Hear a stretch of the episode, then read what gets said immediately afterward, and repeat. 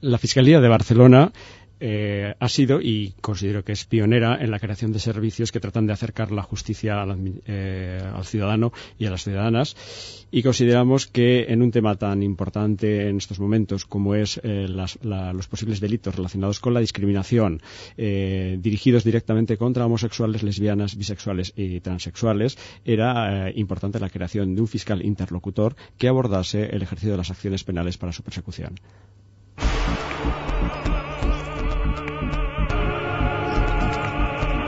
L'Hora de Plutó, amb Núria Ribot. La Fiscalia del Tribunal Superior de Justícia de Catalunya ha creat un servei pioner a Espanya per lluitar contra la discriminació per raons d'orientació sexual i identitat de gènere. És a dir, ha promogut una comissió especial de la Fiscalia de Barcelona per casos d'homofòbia. Avui passa per l'hora de Plutó el seu responsable, Miguel Ángel Aguilar, que és el fiscal interlocutor en totes aquelles qüestions en components de discriminació per raons d'orientació sexual i d'identitat de gènere. Miguel Ángel, bona tarda i molt benvingut. Hola, bona tarda a tothom. Per què s'ha creat aquest servei especial? Tan malament anem? Vol dir que anem malament? No, yo no pienso que, que, vayamos mal. Yo creo que en los últimos años hemos avanzado mucho en combatir la discriminación por razón de orientación sexual y por razón de identidad de género. Se han hecho importantes avances legislativos y ahora es el momento de velar porque esos avances legislativos eh, que nos sitúan eh, en un país, a la, yo creo que a la cabeza de, Europa, incluso de, del mundo, eh, desde el punto de vista legal, es hora de, que el fiscal, en defensa de la, de la, legalidad, que es la función que le atribuye la, Constitución, eh, trate de velar porque esas leyes se apliquen y trate de, velar por la persecución de aquellos delitos que estén directamente relacionados, especialmente las agresiones gratuitas relacionadas con este tipo de, de, de, personas eh, por razón de su pertenencia, insisto, a, a, a grupos de orientación sexual o identidad de género. Com neix això? Per què surt a Barcelona? Perquè Barcelona, deies al començament, que és pionera en iniciatives d'aquesta mena, no? I clar, si penses en Barcelona, deus pensar, mm, potser és que hi ha molta discriminació, potser és que realment hi han estudis que fan que la Fiscalia hagi considerat crear aquest servei? No, yo creo que en eso no somos distintos al resto de, de, del Estado. Lo que sí que tenemos y contamos con una fiscalía joven, eh, tenemos 220 fiscales aproximadamente, son todos muy jóvenes, con mucha energía, con muchas ganas de, trabajar y muy sensibles a, los cambios sociales, a los cambios eh, legislativos.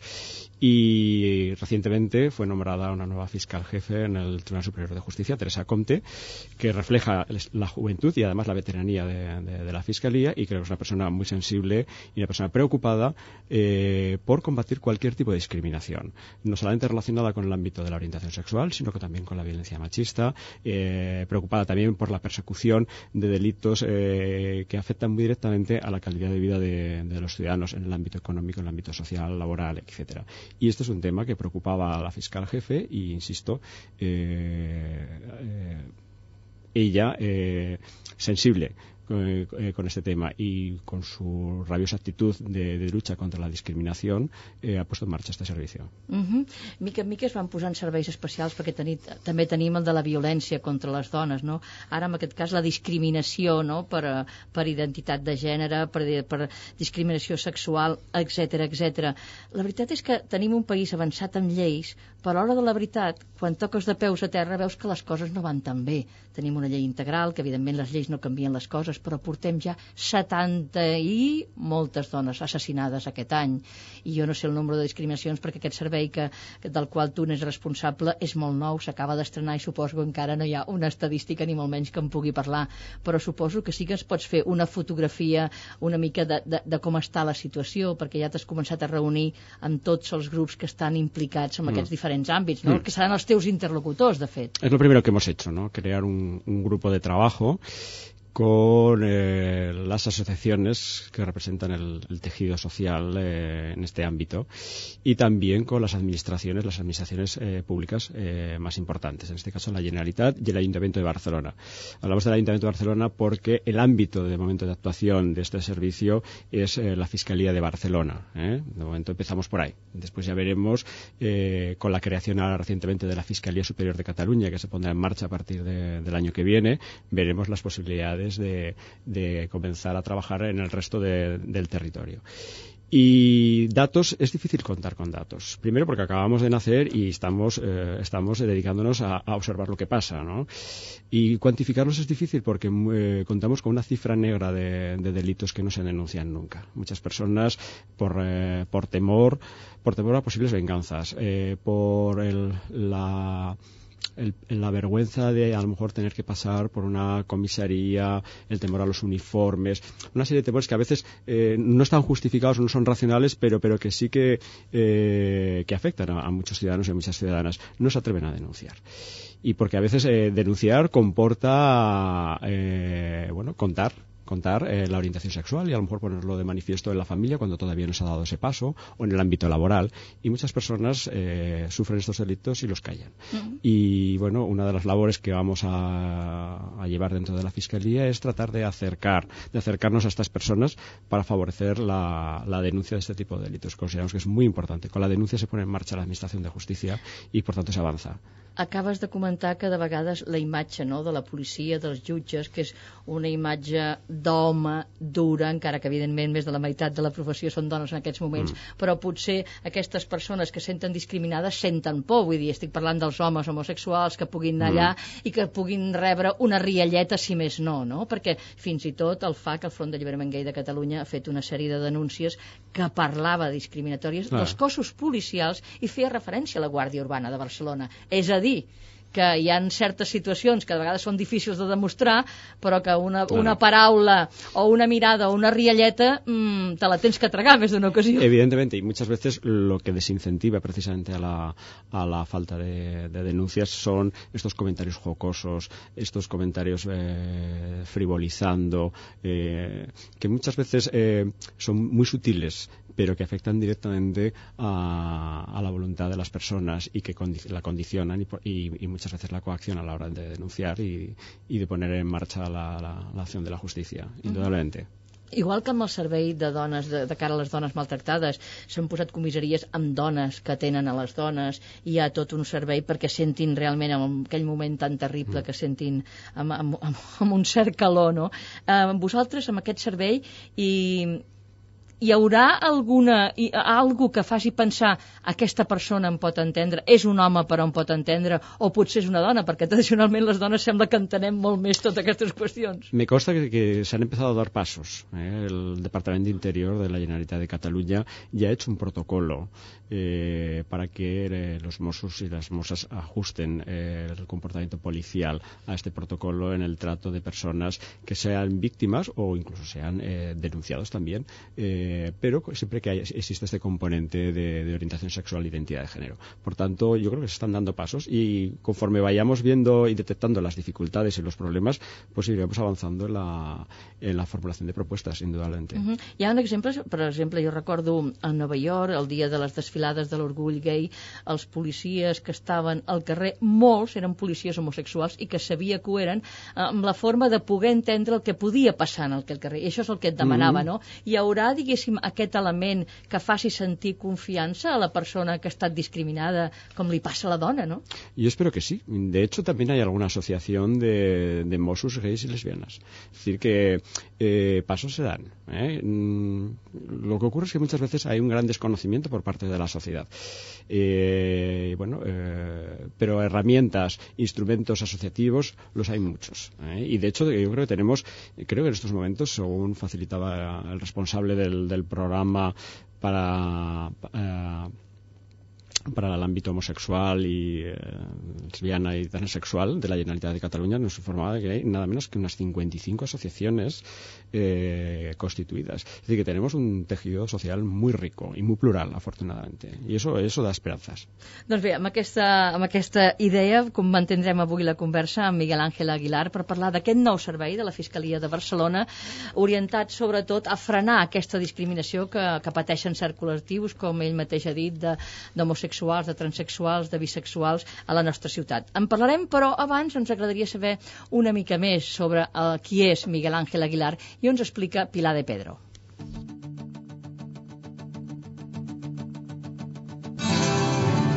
Avui passem l'hora de Plutó amb un home que diu que creu profundament en la justícia, en la llibertat i en la igualtat. Miguel Ángel Aguilar va néixer a l'antiga República Federal Alemanya i va estudiar dret a Saragossa. No és l'únic de la família que s'ha sentit atret per aquest àmbit. Una germana del seu pare era magistrada i té una cosina germana que és advocada.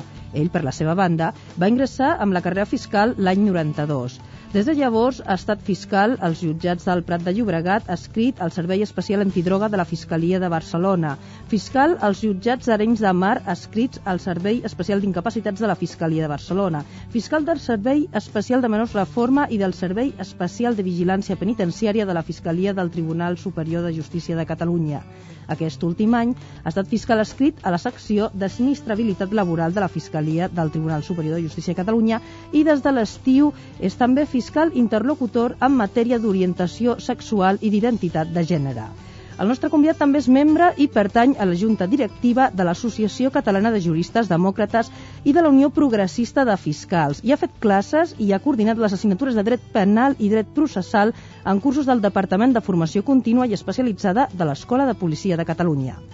Un tret del seu caràcter, la força de voluntat i el desig de renovació. Miguel Ángel Aguilar creu que les escenificacions de judicis en el cinema i la televisió són interessants perquè mostren conflictes de la vida diària de la ciutadania, però cada vegada es nota que no hi ha hagut prou assessorament jurídic i que això els treu credibilitat. Quan el nostre convidat, que és bessons de signe del zodíac, té temps lliure, que no en té gaire, li agrada estar amb la parella, amb la família i els amics, li agrada xerrar, passejar, intenta anar al cinema un cop a la setmana, també li agrada la lectura, tot i que confessa que no li pot dedicar tot el temps que voldria i de tant en tant li agrada ficar-se a la cuina a lluir-s'hi. En canvi, el futbol no li interessa gens. Hem demanat a Miguel Ángel Aguilar que ens proposi una lectura i una pel·lícula per passar una bona estona. Diu que el llibre que el té enganxat ara, Elogi de l'amistat de Tahar Benjalum, val molt la pena, igual que Persepolis de Marianne Satrap i que també ha estat portat al cinema i que troba que és molt recomanable. I si no ens acabem de decidir, una altra bona opció per anar al cinema seria El atardecer. També hem preguntat al nostre convidat què faria si li toqués un bon premi a la loteria, i ho té molt clar. Agafaria un any sabàtic per aprendre bé l'anglès en una gran ciutat com Londres o Nova York. Bé, encara som a temps amb la loteria de Reis. Que hi hagi sort. Miguel Ángel, a veure, situem aquest servei perquè un servei que, com deies al començament, és pioner a Catalunya i també ens agradarà que els oients sàpiguen que aquí a la nostra ciutat també disposem d'això. A veure, si hi ha gent que es troba discriminada, en quin àmbit li podríem explicar a l'oient que té un dret i que podria anar a requerir els serveis d'aquesta fiscalia? Què és el que, eh, per exemple, el podeu ajudar? En quins àmbits? Bueno, eh, cualquier ciudadano que se sienta víctima de la comisión de cualquier delito o bien de una discriminación que se puede producir en el ámbito laboral, un despido relacionado con, por razón de su orientación eh, sexual o por su identidad de, género, eh, puede utilizar las herramientas que le facilita la ley. Y es la, primera de ellas la de denunciar los hechos. Y denunciarlo se puede hacer por diferentes vías. Eh, cada persona tendrá su opción en función de su situación personal. Puede acudir a una asociación. Las asociaciones nos dan traslado a nosotros también de, de, hechos. Puede acudir a la, propia fiscalía y recibirá la atención de la Fiscalía y, de, y denunciar eh, los hechos. Puede acudir a los cuerpos y fuerzas de seguridad y puede acudir también a, los propios órganos eh, judiciales. ¿Qué es lo que va a hacer el fiscal eh, cuando tenga conocimiento de hechos de este tipo? Bien, el fiscal es un solo fiscal, no contamos con más porque los recursos son escasos. De momento tú. Sí, de momento soy yo y previsiblemente seré yo en mucho tiempo. Porque te contamos con una fiscalía que eh, antes hablábamos que, que, tiene veteranía y que tiene y que tiene juventud, pero es una fiscalía que cambia uh, continuamente de, de, sus miembros. Tenemos continuamente eh, bajas, nos va mucha gente por muchas razones y, eso eh, obliga a administrar, a administrar bien los recursos. De momento hay un solo fiscal. Cuando haya una denuncia, eh, el asunto irá a su juzgado y tendrá su propio fiscal y el, fiscal, el que soy yo, eh, lo que va a hacer en este caso, el fiscal coordinador o, fiscal interlocutor, lo que va a hacer es supervisar que se aplique correctamente y que se ajuste a una unidad de criterio, porque es, la forma que tenemos de actuar los fiscales, con rol al principio siempre de legalidad, pero también con el rol al principio de unidad y de dependencia jerárquica. Por tanto, el fiscal, bajo la supervisión la dirección, evidentemente, de la fiscal jefe, lo que hará será tratar de unificar eh, criterios y también, aparte esto ya son los asuntos que se denuncian, pero aparte también eh, lo que vamos a hacer es reunirnos permanentemente con este grupo de trabajo que, se ha constituido para recibir cualquier tipo de queja de funcionamiento de órganos de la Administración de Justicia o de cualquier otro eh, servicio público. Es decir, que vamos también a velar porque los servidores públicos nos ajustemos al cumplimiento de, eh, la ley. Y por otra parte también recibir eh, cualquier otra queja siempre que tenga un componente eh, de discriminación por razón de orientación sexual, identidad de género y sea constitutivo de infracción penal. Ojo, no todas las discriminaciones son constitutivas de infracción penal. La Fiscalía tiene un ámbito limitado de competencias. Por tanto, eh, observaremos, velaremos y analizaremos eh, cada caso de discriminación y, desde luego, si hay responsabilidades penales, pues lo que haremos será poner en marcha la acción de la justicia para su persecución y su depuración. Uh -huh. Abans eh, comentava precisament, eh, em feia referència a la denúncia del Front d'Alliberament Gay respecte a la Guàrdia Urbana de Barcelona. En aquest cas, vosaltres, tu com a fiscal, com actues? Bueno, eh... Tenim davant la policia y es una denuncia contra la policía de Barcelona. Bueno, pues eh, lo que haremos es hacer, eh, se hará como con la investigación de cualquier otro delito. A estas personas se les recibirá declaración, se les escuchará y se escuchará también a, a, a las víctimas y después eh, de, se valorará la prueba y en consecuencia se actuará. Eh, no va a haber una distinción, no vamos a hacer una distinción eh, respecto de cualquier eh, otro imputado. Lo que vamos a hacer es, eso sí, que se vele por el cumplimiento de la ley. Y en el cumplimiento de la ley estamos involucrados todos, todos los ciudadanos, los servidors públics i els ciutadans de la calle, tots. Uh -huh. I parlant de lleis, evidentment Espanya és un dels països més avançats, jo diria, en esborrar aquesta discriminació, almenys a la lletra, a la teoria, a la pràctica veurem, no? Perquè amb la mateixa llei de matrimonis que permet el matrimoni entre les persones del mateix sexe. Tot això ha fet canviar la, per, la, la percepció o bé potser eh, ha molestat certs sectors de la societat? Que fa que potser de forma més discriminatoria. Yo creo que la mayoría de la sociedad, eh, y de hecho las encuestas lo dicen, las estadísticas lo dicen, eh, la sociedad eh, está plenamente de acuerdo en que se avance en materia de igualdad de, de derechos. Y no solamente, no solamente en el ámbito de la homosexualidad, sino en, en todos ámbitos. Yo creo que hay una ansia de, de, la sociedad, de la mayor parte de los ciudadanos y de las ciudadanas, de conquistar mayores espacios de libertad y de, y de igualdad.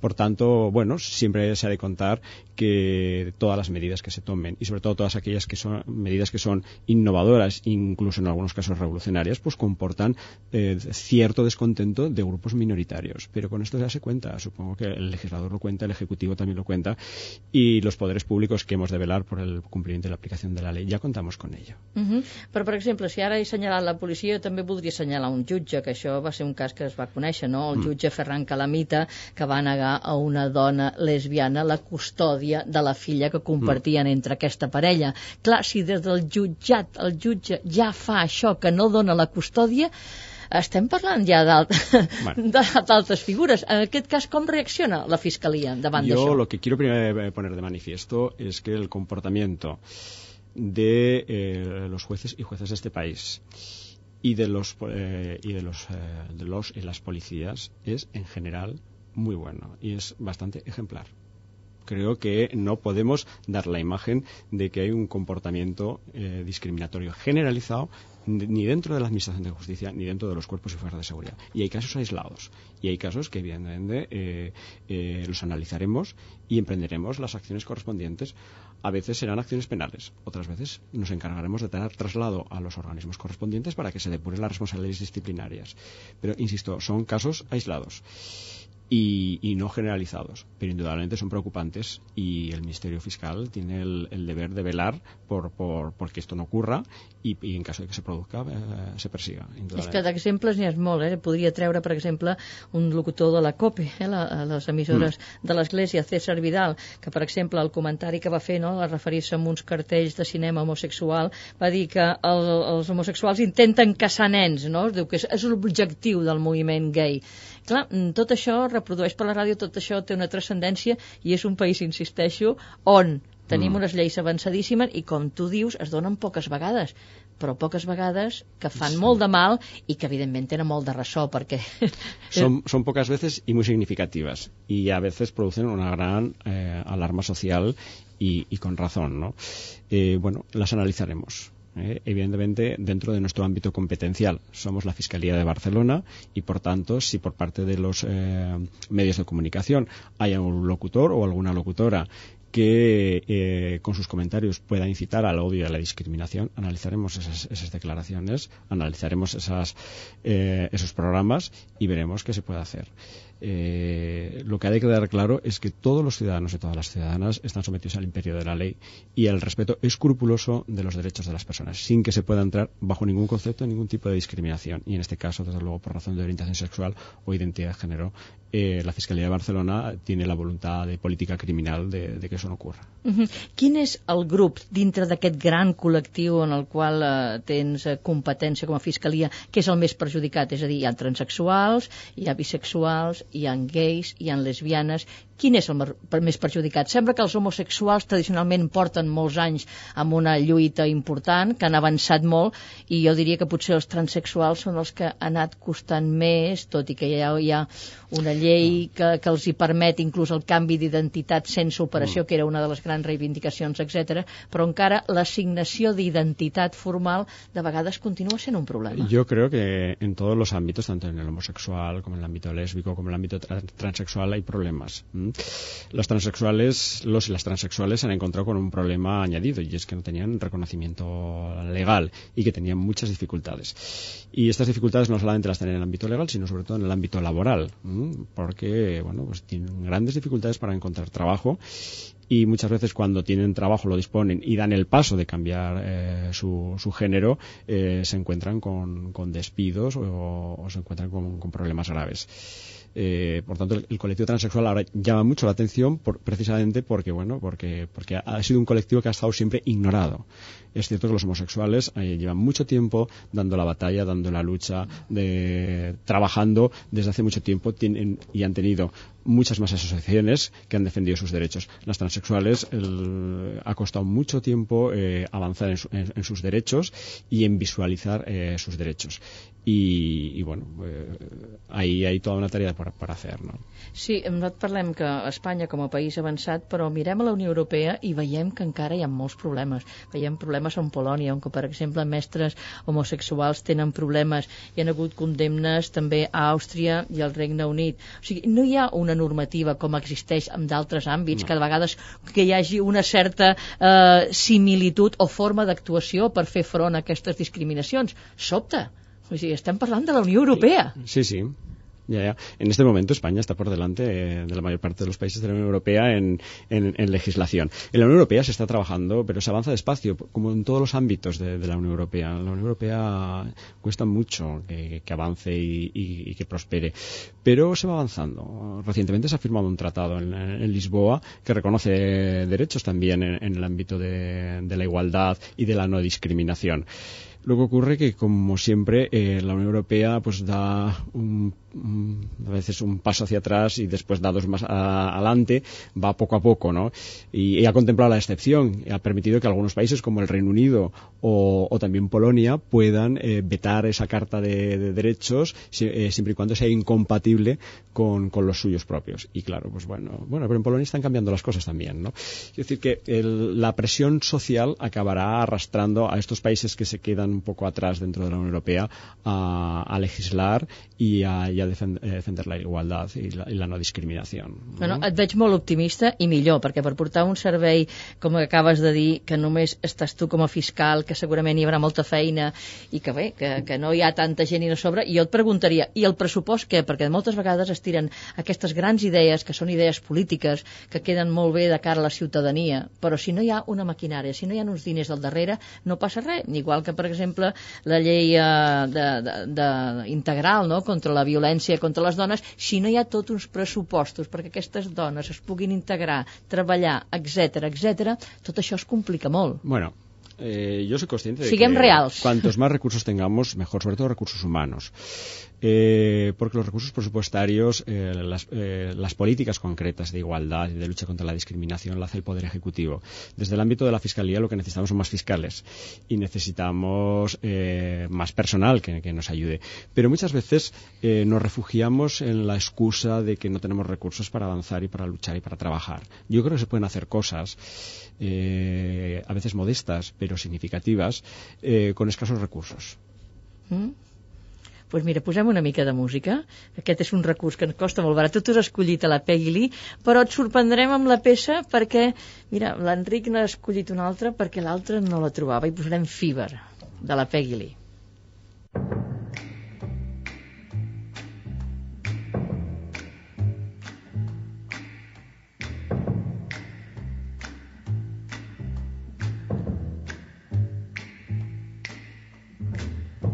know how much I love you. Never know how much I care.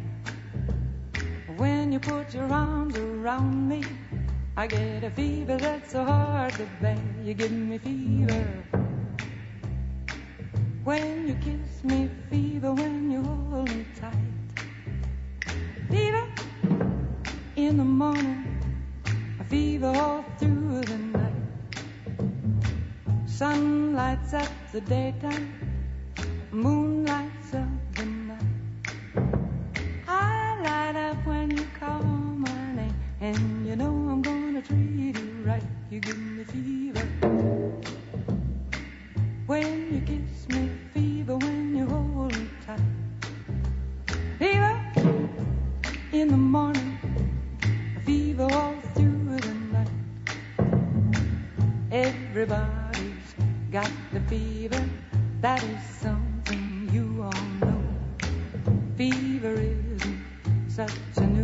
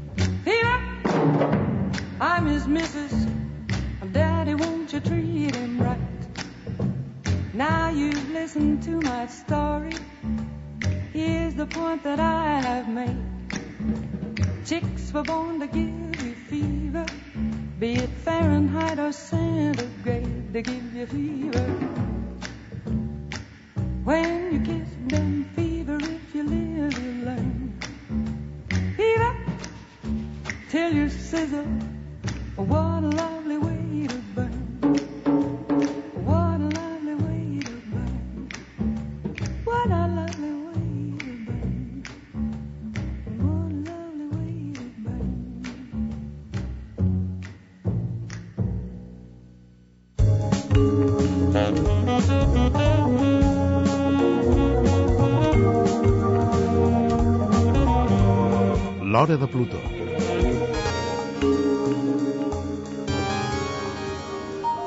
I aquesta tarda parlem amb Miguel Ángel Aguilar, fiscal. Ell és el responsable d'aquesta comissió especial de que estàvem parlant de la Fiscalia de Barcelona per casos d'homofòbia, de discriminació, d'identitat de gènere. Uh, acaba de... res, acaba de sortir del forn un partit, que és el Partit per les Llibertats Civils, del col·lectiu de gais, lesbianes, transexuals. Té sentit un partit d'aquesta mena? Vamos a ver, mm, yo respeto todas las opciones políticas y, y, todas las ideas, pero yo creo que un partido monográfico que se encargue de un tema concreto, yo creo que no es sano. ¿m? Más como un partido que afirma que no es ni de derechas ni de izquierdas. Yo creo que los partidos políticos eh, han de tener una, una, una vocación de servir el interés general y el interés general de todos los ciudadanos y de todas las ciudadanas.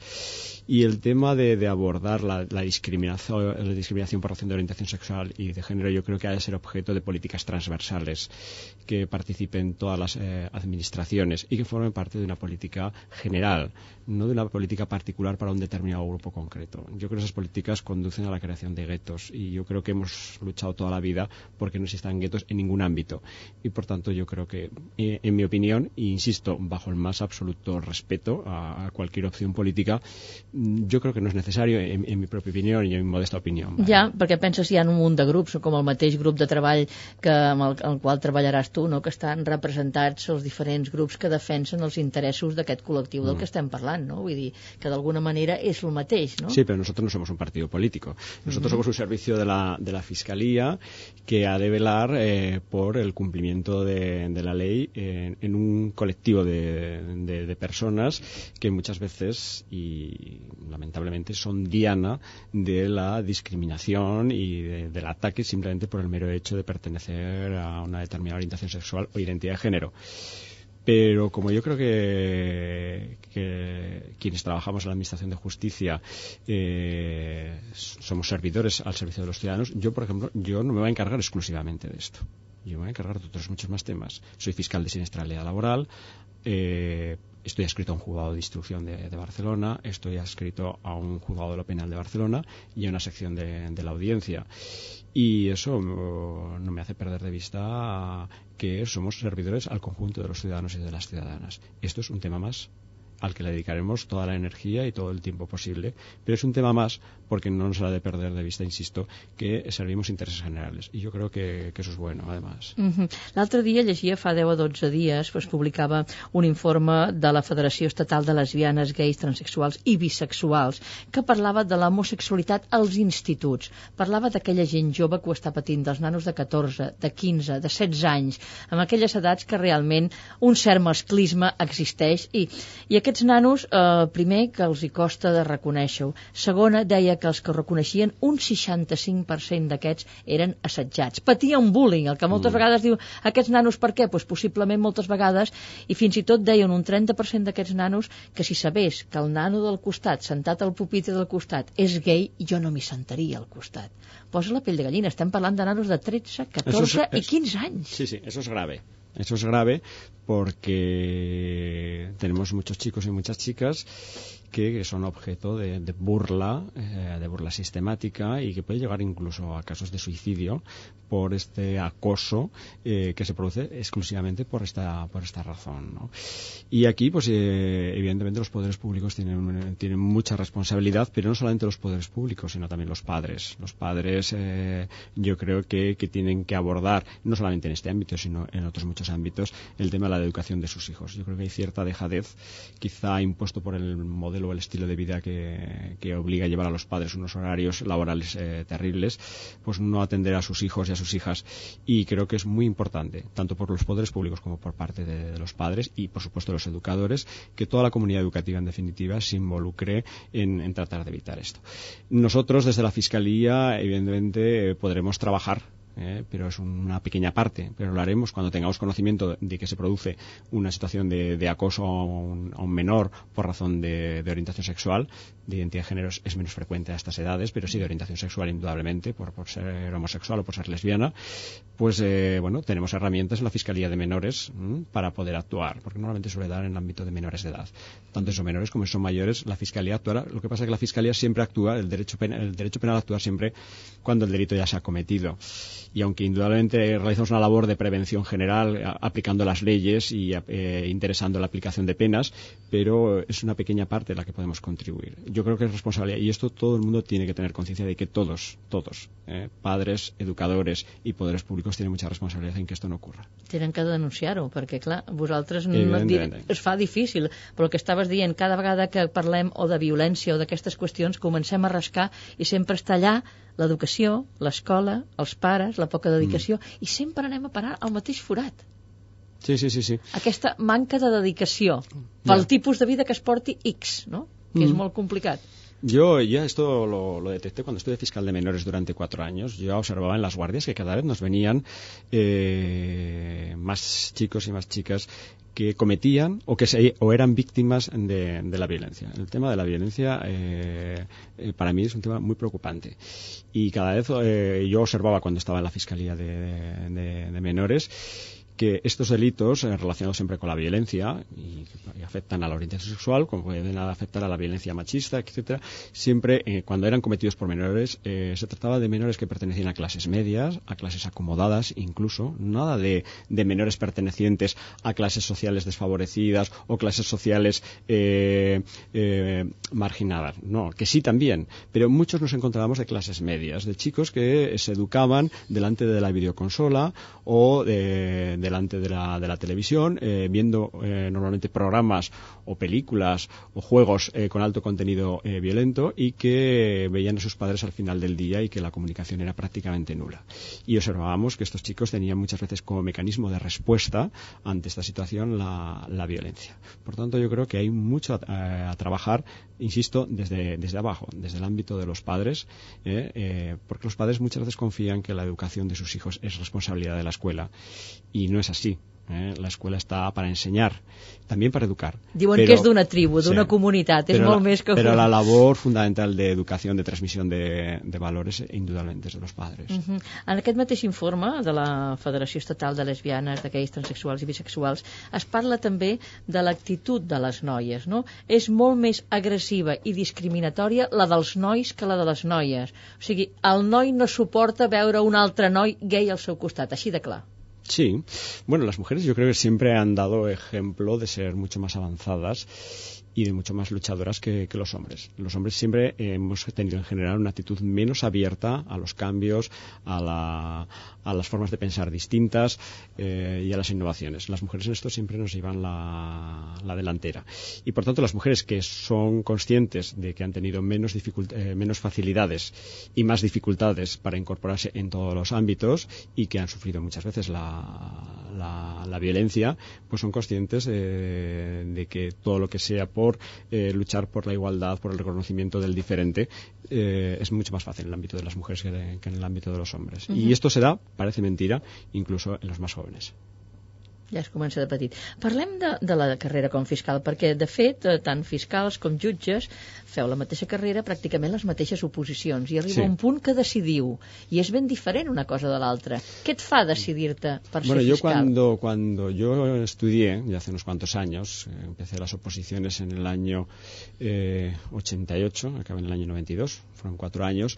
Entonces había un sistema de, de oposición que tú te presentabas eh, a, las, a las oposiciones tanto de juez como de fiscal, pero estaban separadas. Por tanto, las que primero aprobabas, escogías. Evidentemente, eh, yo preparaba las de jueces y las de fiscales porque son las que me, me gustaba y tanto el papel del juez como el papel de- del fiscal me gustaban mucho. Por eso, por eso pre- preparé estas oposiciones. Aprobé primero fiscales y, por tanto, y me quedé con ello y hoy no me arrepiento, me gusta mucho. ¿eh?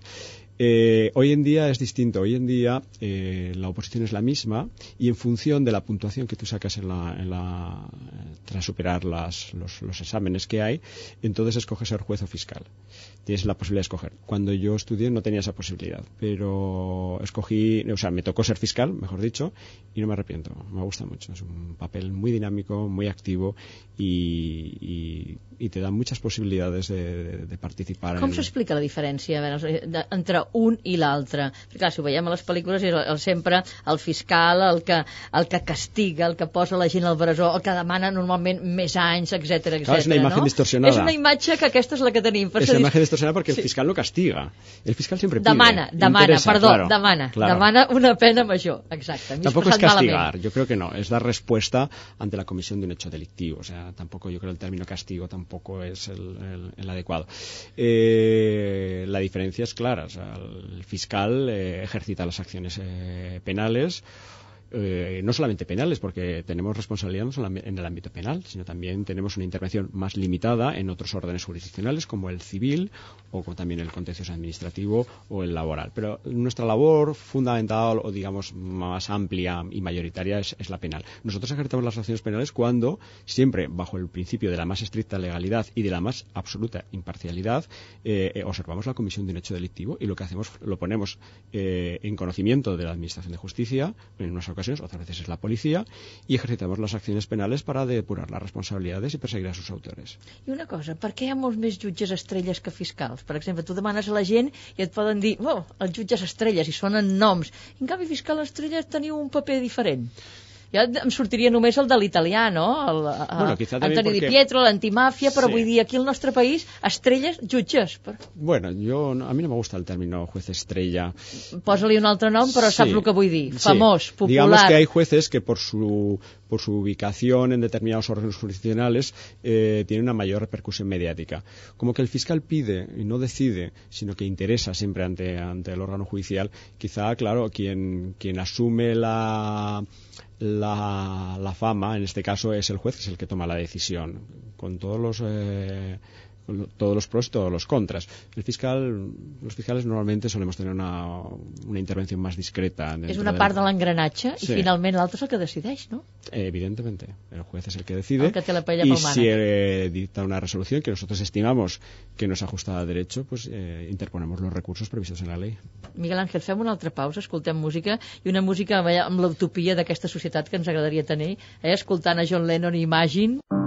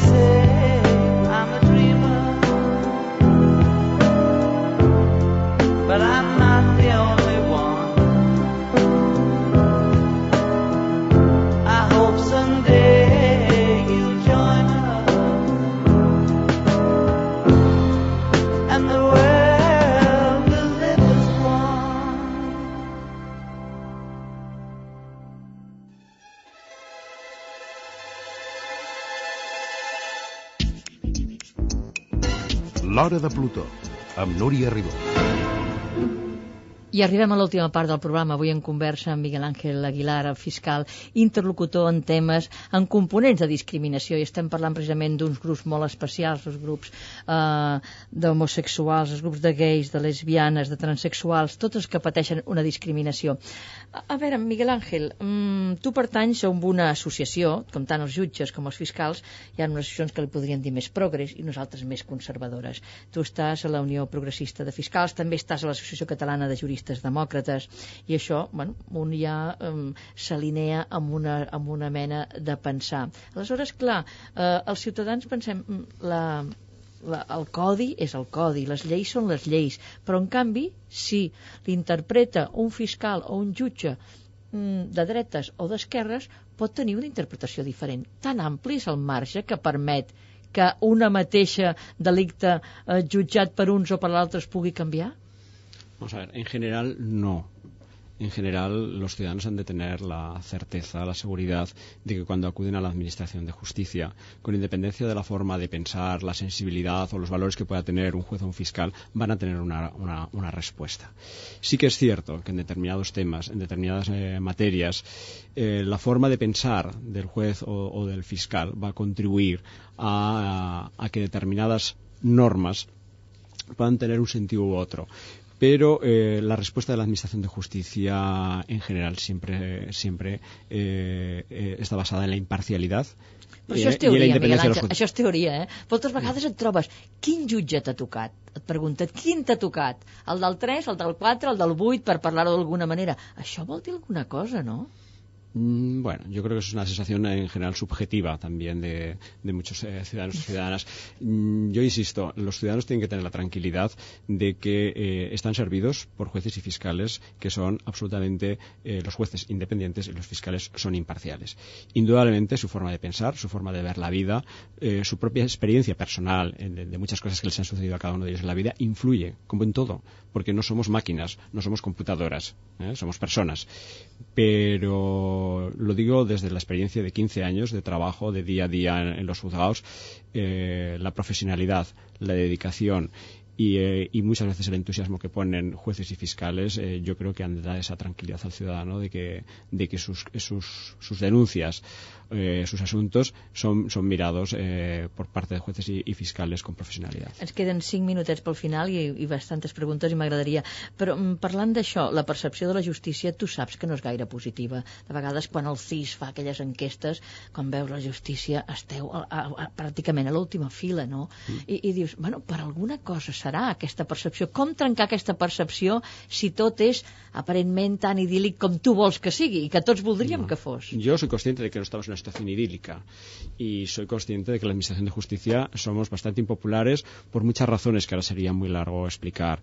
Bien porque no se le han dedicado nunca los recursos necesarios, porque no se han hecho las reformas legales eh, necesarias. Eh, pero avanzamos eh, y la creación de este servicio es un ejemplo de que se avanza y de que, de que se lucha en dar una mayor atención y calidad de, a, al ciudadano. Pero indudablemente queda mucho por hacer, queda bastante. Uh -huh. Pero ahí estamos. M'agradaria saber l'opinió d'algunes coses d'última hora, com per exemple, parlant de la seguretat viària, no? aquesta reforma del Codi Penal que fa que, per exemple, conduir a una certa velocitat o bé begut o haver pres certes coses, pots anar a parar a la presó. Té sentit això que es penalitzi d'aquesta forma? Jo crec que sí que tiene sentido. Indudablemente no va a ir todo el mundo a la cárcel, pero sí aquellas conductas que son graves. Hemos de tener en cuenta que estamos como narcotizados dentro de nuestra sociedad. Hemos asimilado y hemos socializado tener cada año 3.000 muertos producidos en la carretera por comportamientos a veces sumamente graves. Y yo creo que tiene sentido estas reformas. Eh, los jueces eh, y los fiscales eh, habrán de depurar también los casos eh, más graves para que tengan la respuesta correspondiente, pero yo creo que es necesario. Uh -huh. I què en penses d'il·legalitzar partits? He Batasuna va ser il·legalitzada, ha recorregut al Tribunal Europeu de Drets Humans i ha acceptat aquest recurs, per tant, veurem el que passa. A ANB també es demana la il·legalització. Què en penses d'il·legalitzar els partits? Yo lo que pienso es que hay una ley y esa ley emana del, del Poder Legislativo y no tengo otra cosa que hacer que respetarla y acatarla. Parlem dels violadors. El, el, el problema dels violadors, que no fa massa com va sortir en el carrer, ha complert la seva, la seva condemna, la seva sentència, està lliure, però en canvi la societat no l'accepta perquè es continua demostrant que pot ser un perill. Què fem davant d'això? Bueno, tenemos nuestras leyes y la, con las leyes que tenemos son las herramientas con las que, trabajamos. Se puede seguir, eh, hemos de tener claro que cuando una persona cumple la condena ha pagado su deuda con la sociedad. Sí que hemos de fijar, y corresponde sobre todo al legislador, y después ahí estaremos los jueces y fiscales para co co cooperar en la aplicación de, de, las reformas legales que se han de hacer para que haya una continuidad eh, con, con, posterioridad al cumplimiento de la pena, una continuidad de seguimiento por parte de, de la administración de qué hacen estas personas, pero hemos de tener en cuenta que una persona que ha cometido un delito y que ha cumplido la pena ha cumplido con la sociedad. I esto debemos ser conscientes. Sí, però Se poden estudiar fórmules. eh, S'hauran d'estudiar fórmules, perquè és veritat que, com tu dius, ajustant a la legalitat és la que és, això ho sabem tots, però la realitat és una altra, i clar, i la gent no vol tenir por pel carrer, amb aquests casos recents que hi ha hagut i que ha creat Mm. molta alarma social, no? I aleshores et planteges, bé, les, les presons serveixen realment per rehabilitar? No, no hi ha les mitjanes, o potser allò no es pot No rehabilitar. estoy de acuerdo. Què hem de fer? Yo creo que las cárceles, eh, las prisiones sí que rehabilitan, no todo lo que quisiéramos, eh, porque insisto, no estamos en la sociedad perfecta, pero sí que rehabilitan en, ocasiones. Y hay otras ocasiones que hay delitos que tenemos también que ser conscientes que no eh, tienen rehabilitación. Hay personas que eh, padecen unos problemas de trastornos, trastornos mentales, que no, no tienen rehabilitación. Aquí hemos de establecer medidas por parte de los poderes públicos para prevenir y evitar que, que puedan cometer nuevos delitos. Y se han de estudiar fórmulas. Hay una comisión aquí dentro de la Consejería de Justicia, presidida por el, el exfiscal jefe José María Mena, que ha reunido un grupo de, expertos y están estudiando estas fórmulas para elevar propuestas al, al Poder Ejecutivo y al Poder Legislativo eh, en aras de que se puedan estudiar nuevas, nuevas eh, herramientas para, para evitar esto pero insisto que eh, hemos de asumir que cuando una persona cumple una, una condena ha, cumplido con, con la sociedad. I... Arribem al final, arribem al final i, i et volia llegir una frase de l'exmagistrat José Antonio Martín Pallín que deia en una entrevista, diu m'estimo més la llibertat del culpable que la condemna de l'innocent. ¿Qué me pensa? Estoy plenamente de acuerdo, comparto totalmente esa filosofía. Más vale una uh, persona eh, eh, eh, inocente, perdón, una persona eh, culpable en la calle eh, que, que, que, las que sean eh, culpables de, perdón, inocentes dentro de la prisión. Esto lo tengo clarísimo. Comparto totalmente la filosofía de, del gran profesor y gran magistrado Martín Pallín. Miguel Ángel Aguilar, hem d'acabar i et desitjo molta sort amb aquest servei de la Fiscalia de Barcelona mm, per frenar aquestes discriminacions que hi ha en certs sectors, en certs àmbits, i bé, molta, molta sort. Moltes gràcies.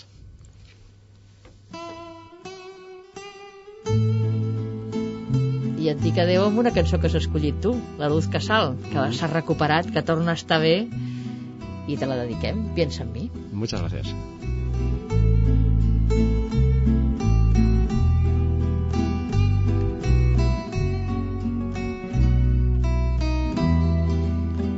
I nosaltres hem de dir adeu en nom de tot l'equip, en nom de la Pilar de Pedro als guions, de Dolors Joanola a la producció i també de l'Enric Vidal a les vies de so. Tenim un correu electrònic per qualsevol suggerència o comentari. plutó arroba catradio.cat Si tienes ganas de llorar, piensa en mí. Ya ves que venero tu imagen divina. Tu párvula boca que siendo tan niña me enseñó a pecar. Piensa en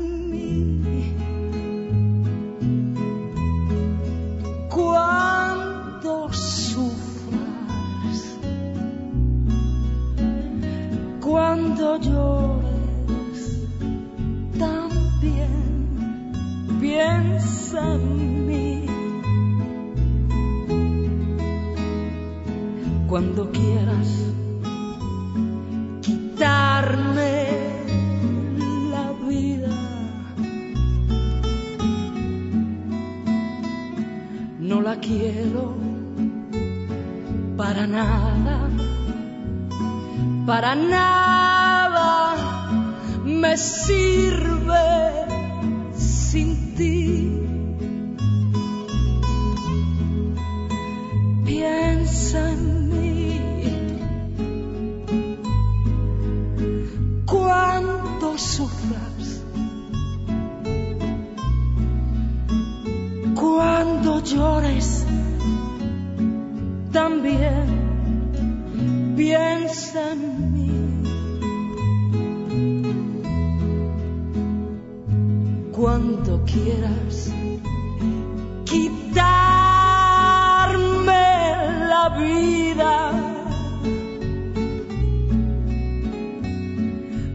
quiero para nada, para nada me sirve sin